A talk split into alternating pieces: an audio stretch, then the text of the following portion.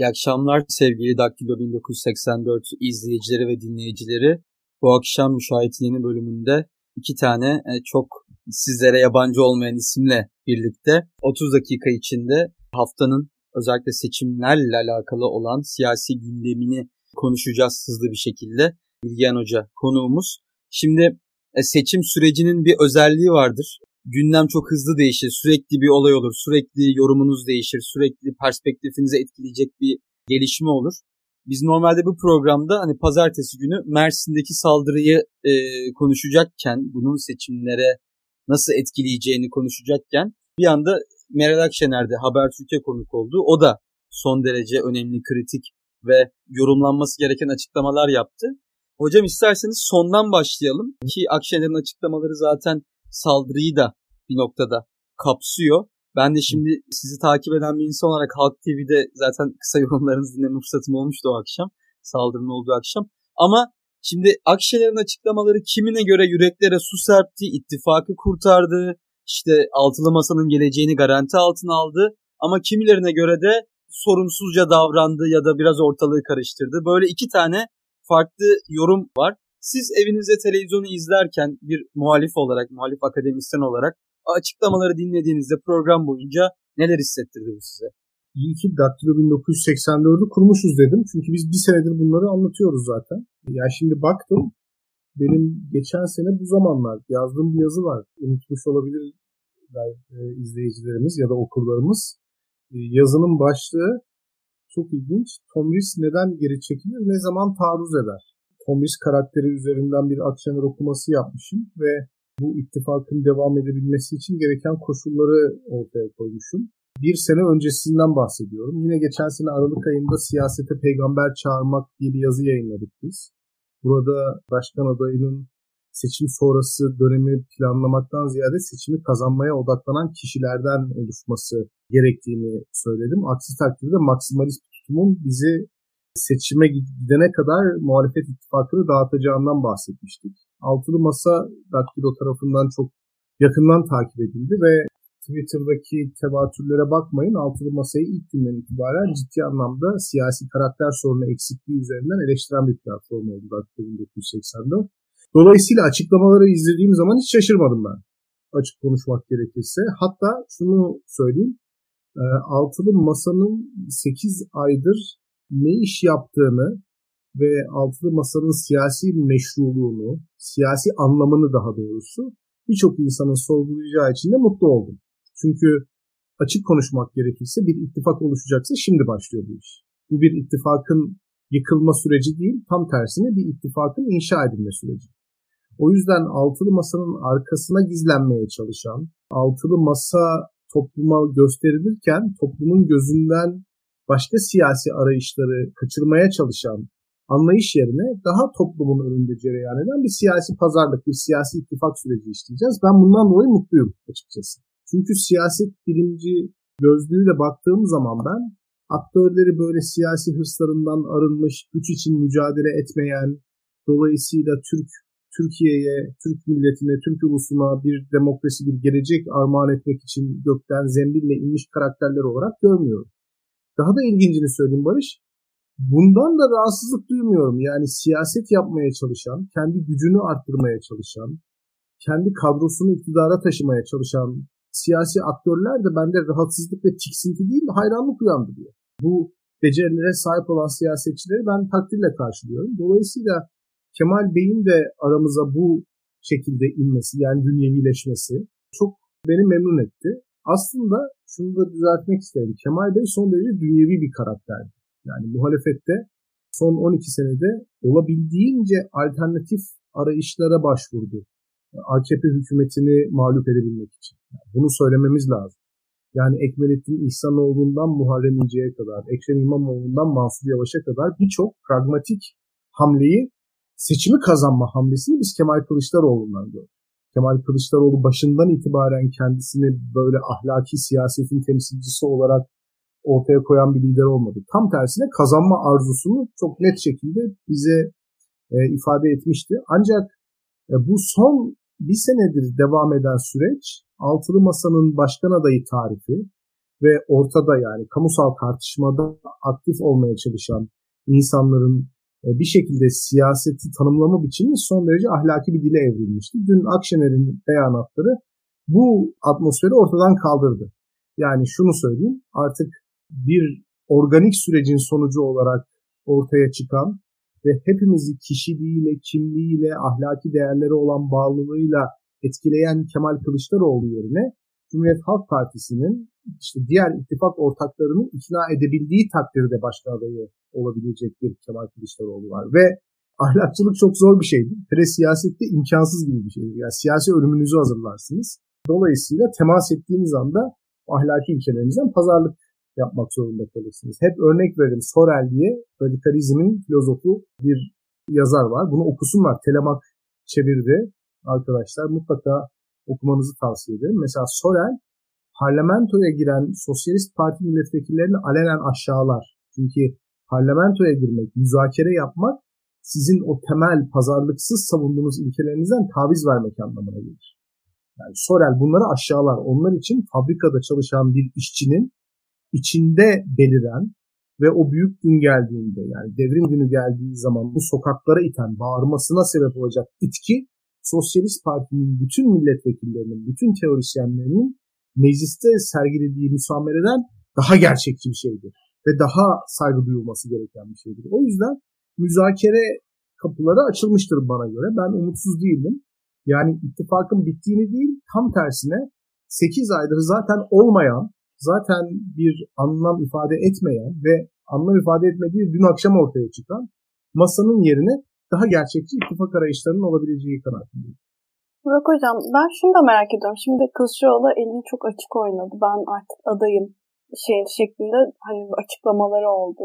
Hatta potansiyel bir aday olan İmamoğlu da işte yanındayız diye açıklamalarda bulundu. Ya ben şunu düşünüyorum. Bundan sonra nasıl bir geri, geri adım atacak? Çünkü hani hmm. bu kadar artık açık olduktan sonra geriye dönmesi zor gözüküyor. Ya Kemal Bey'in adaylığını Kemal Bey dışında herkes konuştu. Bizler konuştuk. Anketçiler konuştu sosyal medya ajansları, fenomenler, partililer yani herkes konuştu. Yani Kemal Bey'in aday olduğunu biz Kemal Bey dışında herkesten duyduk.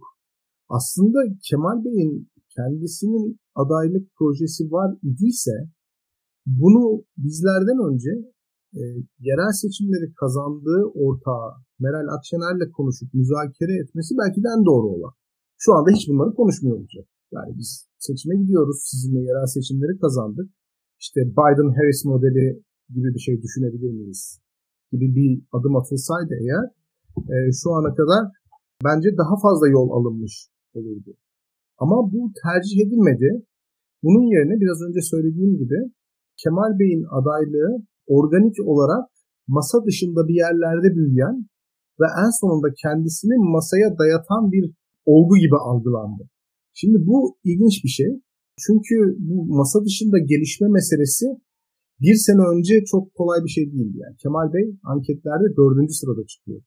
Tayyip Erdoğan'ın arkasında seçim kazanma şansı pek olmayan, e, hele seçim kampanyası başladığı zaman Adalet ve Kalkınma Partisi'nin bütün kamu kaynaklarıyla, bütün medya gücüyle, bütün ihtirasıyla, hakaretiyle, toplumun pay hatlarını derinleştirmesiyle yürüteceği bir seçim kampanyasını düşünün.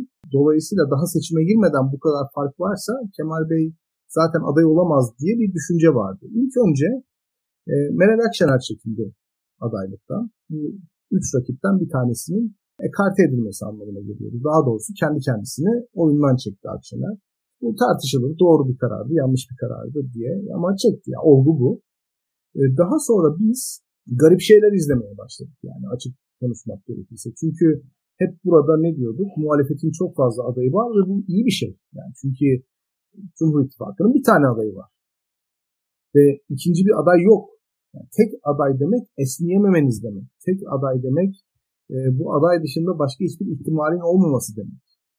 Anlatabiliyor muyum? Yani tek adaylık bir kişinin yıpranması durumunda bütün ittifakın yıpranması, kaybetmesi demek. Ama muhalefetin konjonktüre göre aslında öne çıkartabileceği adaylar vardı. Düşündüğünüz zaman aslında Ekrem Bey de, Meral Hanım da, e, Mansur Bey de, Kemal Bey de farklı dönemlerde ihtiyaç duyulan lider ve aday tipolojisini temsil edebilir. Dolayısıyla o aday çokluğu beni çok rahatlatan bir şeydi. Fakat ilginç şeyler olmaya başladı. Yani biz özellikle sosyal medya üzerinde kişilerin imajlarına dair yargılar oluşturmaya çalışan insanlar görmeye başladık. Yani mesela bu Twitter camiasının ya da Twitch camiasının veya YouTube izleyenlerin işte aşina olduğu böyle yeni siyasete angaje olan fakat çok okumayı, araştırmayı sevmeyen gençleri bir şekilde sloganlarla, imajlarla ve hamasetle etkilemeye çalışan fenomenler ortaya çıkmaya başladı. Ve bu adamlar ilginç şekilde muhalefetin adaylarının milliyetçiliğini, vatanseverliğini falan sorgulamaya başladı. Bir adaylar arasında nifak sokmaya başladılar. Bunları gördük. E bununla birlikte biz başka şeyler de görmeye başladık. Mesela altılı masa başladı fakat altılı masa hiçbir şey konuşmuyor. Ekonomi konuşmuyor, seçimi nasıl kazanılacak konuşmuyor, kabine mimarisi konuşmuyor, bürokratik yapılanmayı konuşmuyor.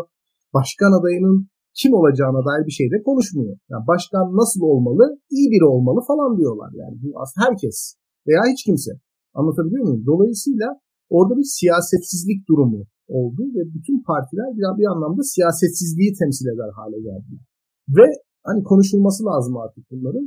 Altılı Masa'da Cumhuriyet Halk Partisi gibi %25-30 bandında oy olan bir parti ve İyi Parti gibi %10-15 bandında oy olan bir partinin yanında daha küçük partilerin eşit temsile kavuştuğunu gördüm. Bu şu demek değil yani lütfen beni yanlış anlamayın. Ben bu partilerin Türk siyasetinde olması gerektiğini siyasi rekabet açısından ve çok seslilik açısından çok önemli bir rol oynadıklarını düşünen birisiyim. Ama altılı masa gibi daha az insanı cezbeden partilerin, daha az vatandaşın ilgisini çeken partilerin %25'lik, %30'luk, %15'lik partilerle aynı muameleye, aynı etki sahasına sahip olması bence çok elitist, çok seçkinci bir tavra işaret etti. Ve bu sefer de ilginç gerilimler ortaya çıkmaya başladı. Yani mesela CHP tabanına azgın azınlık denmesi, Vals tartışmaları, işte Kemal Bey'in tabanı dönüştürme söylemi falan. Yani bu tabanı dönüştürme söylemini ortaya koyanlar da bir dönem Tayyip Bey'in muhafazakarları dönüştürdüğünü söyleyen insanlar. Tayyip Bey için yazdıkları övgü dolu sözleri Kemal Bey için yazıyorlar. Bunların hepsi yani o küçük partilerin sisteme eklemlenme meselesi ve o sistemi bir şekilde eşit olarak bölüşme gayretleri bence tabanda birçok insanda rahatsızlık yarattı. Şimdi bu gerilimlerle birlikte biz başkan adaylarımızın itibarının zedelendiğini gördük. Mesela Ekrem İmamoğlu resmen sosyal medya üzerinde dövüldü. Daya katıldı. Ya bu hiç hoşuma gitmedi yani. Benim Nagihan Alçı'dan daha fazla hoşuma gitmeyen bir şey varsa AKP hükümetinin korktuğu, rakip olarak karşısında görmek istediği bir siyasetçinin yıpranmasıdır. Ama gözümüzün önünde hunharca, hunharca Ekrem İmamoğlu'nun itibarı zedelendi ve iddialı konuşan, eden, kendine güvenli İmamoğlu imajı yerine artık kendi kabuğuna çekilmiş çok fazla siyasette uğraşmayan bir İmamoğlu bulduk biz. Çok enteresan bir şey. E, aynı dönemlerde işte bu göçmen karşıtlığı meselesi oldu. Yani Türkiye'nin çok temel bir göç ve sınır sorunu politikası var ve bu çok sorunlu bir politika. Bu ciddi anlamda bilinçli bir şekilde uygulanan bir şey. Yani Tayyip Erdoğan'ın ekonomisinin bir parçası. Ve bu sorunun mutlaka çözülmesi gerekiyor. Çok ayaklı, çok karmaşık, teknik bir çözüm gerektiren bir sorun. Fakat özellikle toplumu acite etmek ve onları travmatize etme amaçlı işte bu göçmen karşıtlığı Nisan ayından itibaren hızlı bir sosyal medya kampanyasıyla hepimizin gündemine girdi. Yani birdenbire biz sapık Pakistanlıları keşfettik. Ve onlar kayboldular farkındaysanız yani. Birdenbire geldiler hayatımıza ve gittiler. Bu adamların keşfedildiği gün yani o yüksek göçmen karşıtı kampanya başladığı gün başka bir şey daha oldu. Ümit Özdağ, Mansur Yavaş'ın ismini adayları olarak zikretti. Bu da Mansur Bey'in bana sorarsanız talihsiz bir anıydı. Çünkü kendisini siyaset dışı konumlandırdığı için herhangi bir ideolojiyle eşleştirmediği için aslında popülaritesini yüksek tutan tecrübeli bir siyasetçi Mansur Bey. Bilerek yapıyor bunu çünkü budur. Yani çok fazla kendi ideolojik kimliğinizi ortaya koyarsanız düşmanlarınız ortaya çıkar. Sizden rahatsız olanlar ortaya çıkar. Kimse rahatsız, yani herkes herkesin Mansur Yavaş'ı sevmesini sağlayamayız ama çok az insanın Mansur Yavaş'tan rahatsız olmasını sağlarız diye düşündü muhtemelen etrafındaki danışmanlar.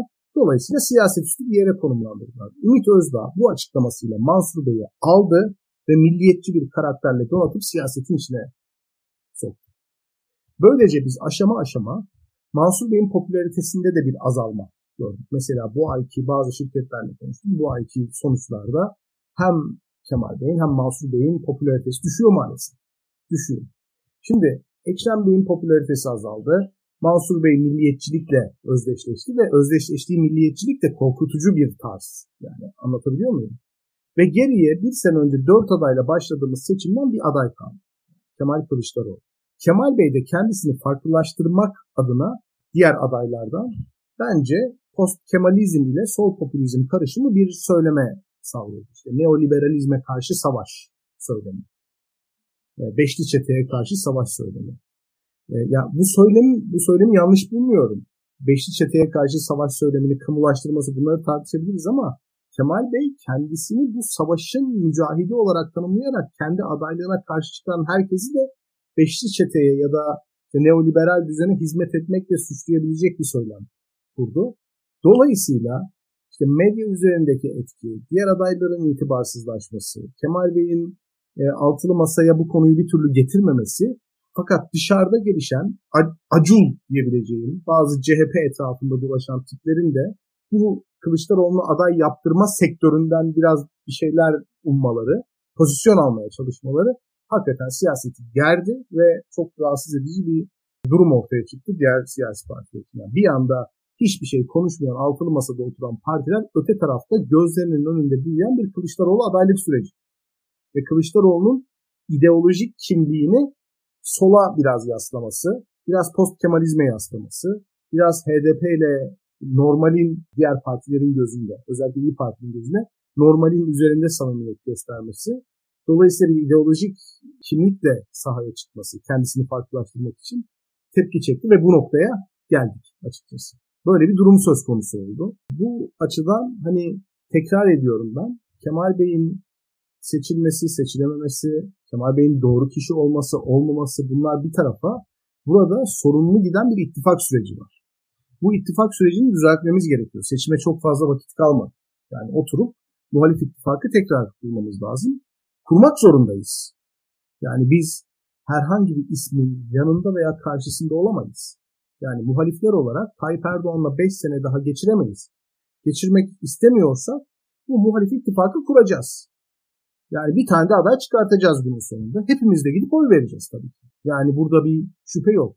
Fakat bu ittifakın en az insanı memnuniyetsiz edecek şekilde, en az insanı mutsuz edecek şekilde ve en az insanı üçüncü bir adaya, alternatif bir adaya yöneltecek şekilde kurulması gerekiyor. İttifakı kuran partilerin kaybetmemesi gerekiyor. Yani Kemal Bey ve etrafındaki arkadaşları kazanırken İyi Parti'nin, Demokrat Parti'nin ya da işte bazı toplumsal grupların kaybettiğini hissetmemesi gibi. Yine aynı şekilde eğer Kemal Bey aday olmayacaksa yerine aday olacak kişinin de Kemal Bey'in adaylığını destekleyenleri küçük düşürmüş hissettirmemesi gerekiyor. Hep beraber bizim kazanmamız gerekiyor. Şimdi biz muhalefette adı konulmamış bir muhalefet ruhu var.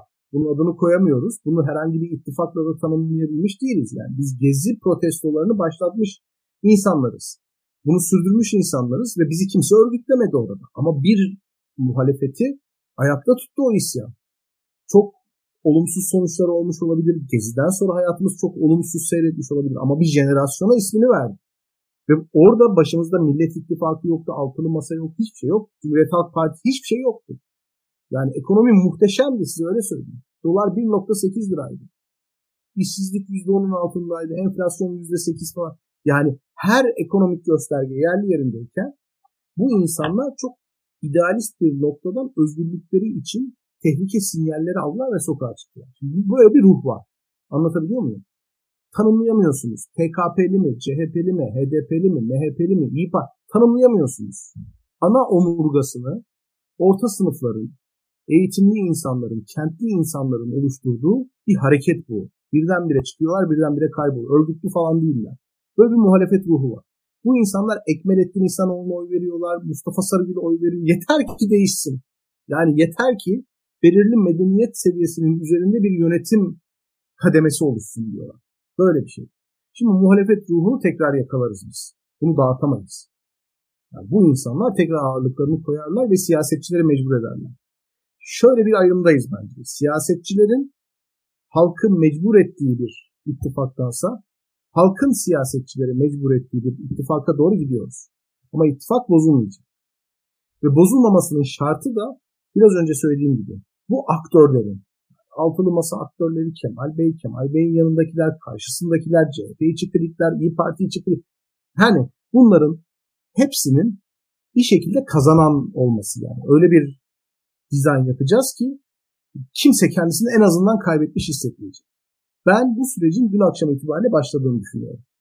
Hocam yüreklere su serptiniz. Umarım ya ben de sizin bu pozitif görüşlerinizi paylaşıyorum. Bu konuştuklarınızla ilgili sadece tek bir ek bir soru sorup bu meseleyi halletmiş oluruz diye düşünüyorum şu an için. Şimdi benim gözlemlediğim kadarıyla özellikle Kemal Kılıçdaroğlu'nun adaylığına daha mesafeli insanların bir grubu kazanamayacağını düşünüyor ve haklılar haksızlar bilemeyiz. İkinci bir grubu da Kemal Kılıçdaroğlu'nun bir takım söylem ve siyaset tarzını son derece sakıncalı buluyorlar ya da yakınlaştığı bazı aktörleri, partileri. Diğer adayları adeta bunun e, antisi olarak görüyorlar. Yani diğer adayların bunları yapmayacağını eminler. Bu tarz durumlara girmeyeceğini eminler. Örneğin HDP ile Kılıçdaroğlu kadar yakınlaşmayacağını eminler belki. Şey içinde söylüyorum, tırnak içinde söylüyorum. Ama bir noktada da herhalde bunun da ortası mı bulunacak mı? Yani çünkü bazı noktada bir takım gereklilikler de var. İşte bu masada olacaksa şimdi biz burada daha rahat konuşabiliyoruz yani. İşte HDP de kaybetmiş kaybetmiş hissetmemesi gerekiyor. Onun seçmenleri diyelim yani. Hani HDP'nin seçmenlerinden bahsedelim, vatandaşlardan bahsedelim. Siz dün gece ya da işte bu süreçte bunun da ortasının bulunabileceği bir noktaya gideceğimizi düşünüyor musunuz? Ya ben Kemal Bey'in son 5 senedir kazanabilmek için farklı siyasi söylemlere başvurduğunu ve aday tercihlerinde bulunduğunu gördüm. Yani mesela Muharrem İnce Kemalist bir aday günün sonunda. Ekrem İmamoğlu, Mansur Yavaş gibi isimler daha merkezi tem- temsil eden. Yani biri merkez solu temsil eden bir adaydı. Diğeri hatta merkez sağ bile diyemeyiz. Hani ülkücü kökenden gelmişti. Zaman içerisinde demokratlaşmış ve ılımlılaşmış bir isim. Kemal Bey'in dolayısıyla başkan adaylığı sürecinde ortaya koyduğu söylemlerin hayranlık veyahut tiksinti uyandırmaması gerekiyor. Yani ikisinin de çok aşırı tavırlar olduğu kanaatindeyim. Mesela Kemal Bey bize demokratik bir gelecek emanet etmeyecek. Yani bunu müjdelemeyecek. Hani bu Kemal Bey'in kendi kişiliğine bağlı bir şey değil. Biricikleştirdiğimiz liderlerden özgürlük beklemeyi artık bırakmalıyız. Yani biz en baştan çıkartıcı lafları Tayyip Erdoğan'dan duyduk ve geldiğimiz nokta ortada. Yani söylem üzerinden rakiplerimizi elemine etme kültürünü bırakmalıyız. Öte taraftan ya günün sonunda Cumhuriyet Halk Partisi'nden bahsediyoruz. Yani bu cumhuriyeti kuran partiden bahsediyoruz. Yani limitleri, esneme alanı çok belli olan bir parti. Yani bu partiye siz teröristleri basın raporunuza aldınız diyemezsiniz. Bu adam bir metotla çalıştı muhtemelen. Ve özellikle bir teröristi meşrulaştırma gayreti yoktu. Anlatabiliyor muyum? Yani Cumhuriyet Halk Partisi'nde bir limiti var. Yani öyle zannettiğiniz kadar sınırsız bir pragmatizmle hareket eden bir parti değil. Ya dolayısıyla orada çok fazla aktör, çok fazla tutulması gereken gereken denge var. Ve bu şekilde değerlendirmek gerekiyor. Yani bence. Dolayısıyla HDP'nin HDP verilebilecek sözlerin de bence bir limiti var. Bunu da en çok HDP farkında. Yani kim olursa olsun. Ha bugün mesela HDP ile konuşuyor Cumhuriyet Halk Partisi. Konuşacak tabii. Ama Kürt sorununun çözümüne dair somut herhangi bir şey söyleyebildi mi? Yani biz iyi niyetliyizin ötesinde. En somut öneri Gürsel Tekin'den geldi. İşte bakanlık verebiliriz falan. O da hani kayboldu gitti. Yani Cumhuriyet Halk Partisi HDP ile ortak ittifaka girmiyor. Girmiyor. Tercih etmiyor.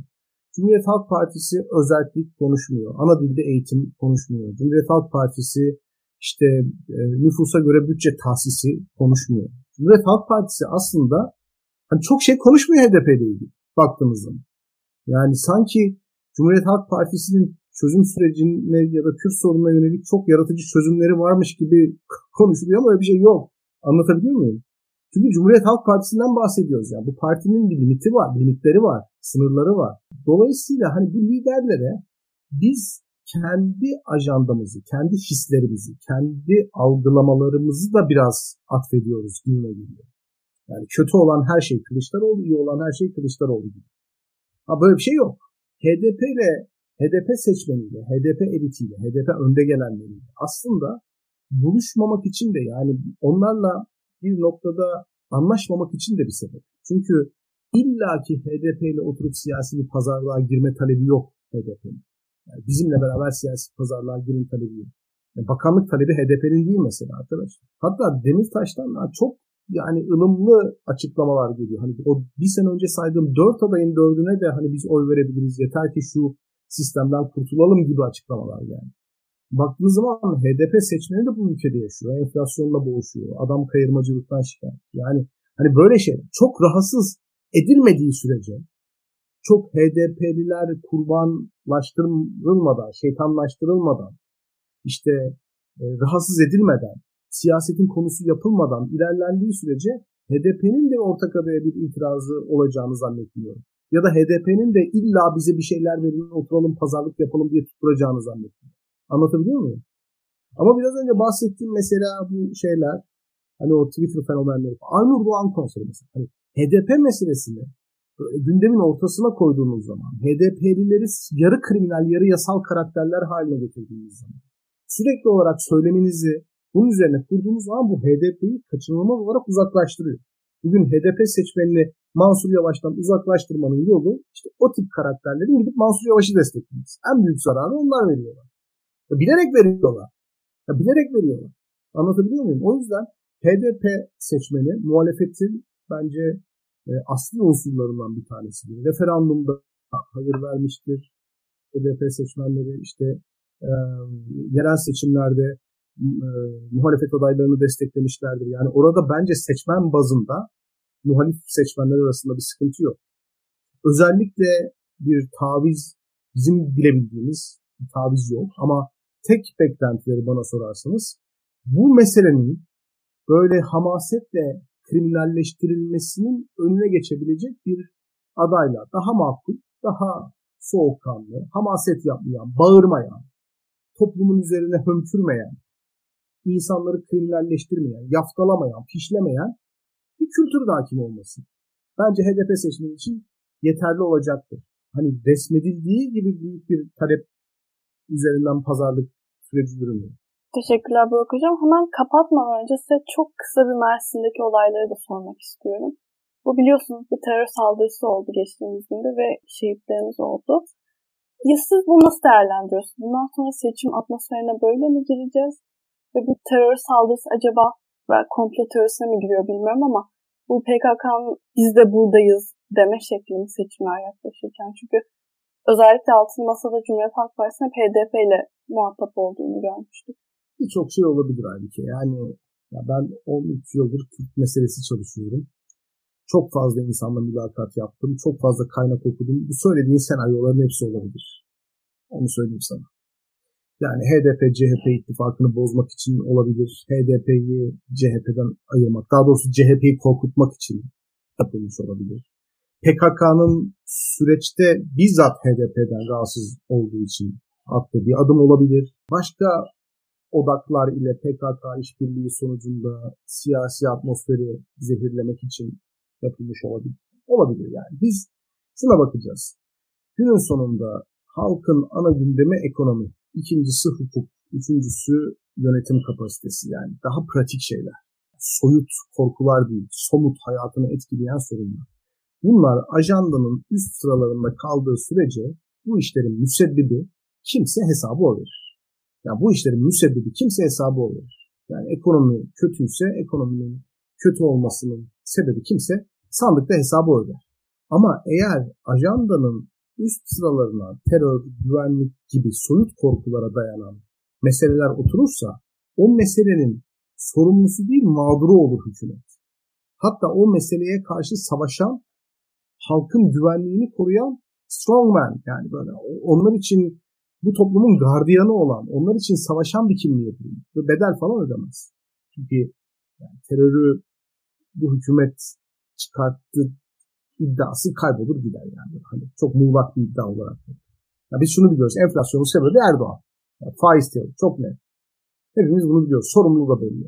Obje de belli, subje de belli. Yani kim yaptı belli, kimin maruz kaldı belli. Ben maruz kalıyorum. Onlar yaptı dolayısıyla onları cezalandırmam lazım. Böyle bir şey. Ama terör öyle bir durum değil. Biz etkileniyoruz. Hatta belki doğrudan etkilenmesek bile korkuyoruz. Soyut bir korku. Ve Erdoğan orada dış güçler falan diyor. Terör örgütleri diyor. Uzayda bir yerde bir şeyler dönüyor. Yani sıradan insan için söylüyorum. Market rafında uğradığı hayal kırıklığından farklı bir şeydi. Dolayısıyla işte şehitler geliyor, milliyetçiliği köpürtüyorlar ve orada bu milliyetçiliğin bayrağını tutan bir Erdoğan görüyoruz biz. Eğer gündemin birinci sırasında terör ve güvenlik meseleleri oturursa hakikaten hükümet bu hesabı ödemez. Onu söyleyeyim size. O yüzden o yüzden bu tip bizi şok edecek, toplumu travmatize edecek olaylara karşı hakikaten soğukkanlılığımızı koruyup çözülmememiz lazım. Yani bizim Türk toplumunun genel olarak aslında yani bütün bu otoriter sistemlerin meşruluk zemini bu ani olaylar karşısında toplumun şaşırması ve travmatize olması o süreçte bir iktidar kurarlar. Bağırarak iktidar kurarlar. Hani doları 18'den 14'e düşürdükleri geceyi hatırlayın yani. Bağırış çağırış işte herkes satsın kurtulduk falan. Bu. Yani aslında olan başka bir şey yani. İki ay sonra tekrar 18 lira oluyor. Anlatabiliyor muyum? O yüzden o şok edici olaylar karşısında soğukkanlılığımızı koruyup olabildiğince toplumun önde gelen insanların, kanaat önderlerinin, siyasetçilerin yani daha güvenli alanda konuşan insanların hükümetin sunduğu paradigmayı sorgulamaları, onu subjektif hale getirmeleri gerekiyor. Ki insanlar rahatlasınlar. Aksi takdirde insanlar işte hükümetin o güvenlik paradigmasının, söyleminin peşine takılan muteber, önemli siyasetçileri, kanaat önderlerini görünce başlarına iş gelmesin diye susarlar. Ve o gündeme oturur.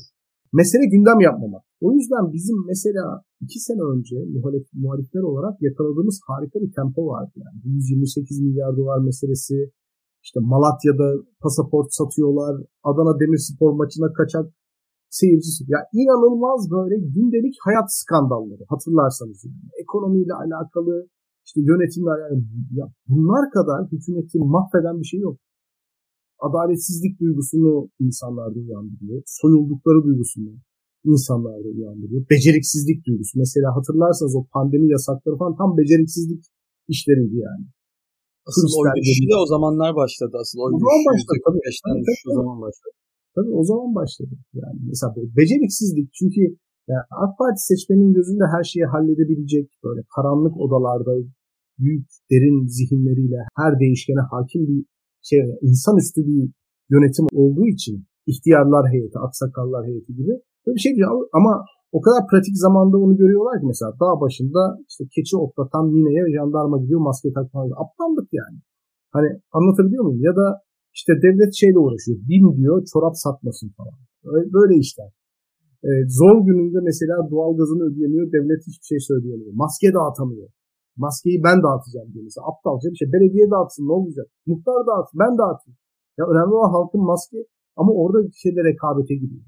Belediyelerle. İşte ekmek dağıtmalarına falan. Yani iyice o imaj sarsınlar. Bunu, bunu oynamak lazım. Yoksa hani ülkenin güvenliğini sağlayan üst akıl, derin akıl, işte bir şekilde devlet dediğin susar. Var ya Twitter'da yüzüklü bir el. Devlet bazen susar. Sonra gerekeni yapar. Böyle. Sanki hani her şeyi bilen bir devlet onu yıkmak lazım. Onu güçlendirmemek lazım. Anlatabiliyor muyum? O yüzden de muhaliflerin hakikaten hoşuma gitmiyor bu dağılmışlık görüntüsü. Keşke hani iki sene öncesi gibi bir arada olabilseydik. Bir salı günü açıyorduk mesela grup toplantılarını. Ben radyodan dinliyordum. Kılıçdaroğlu bir dosya açıklıyor. Akşener başka bir dosya açıklıyor. İşte sivil toplum sadece ekonomi konuşuyor. Devlet yönetimindeki beceriksizlikleri konuşuyor. Muhteşem bir dönemdi ve hakikaten muhaliflerin oylarının yükseldiği zamanı oldu.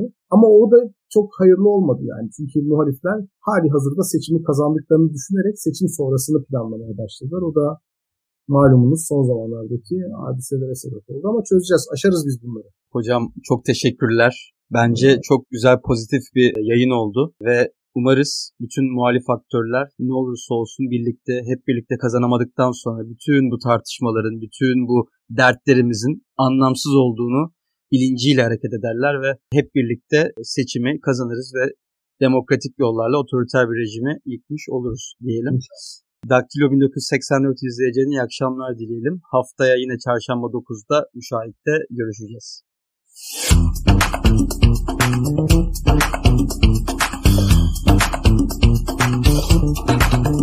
you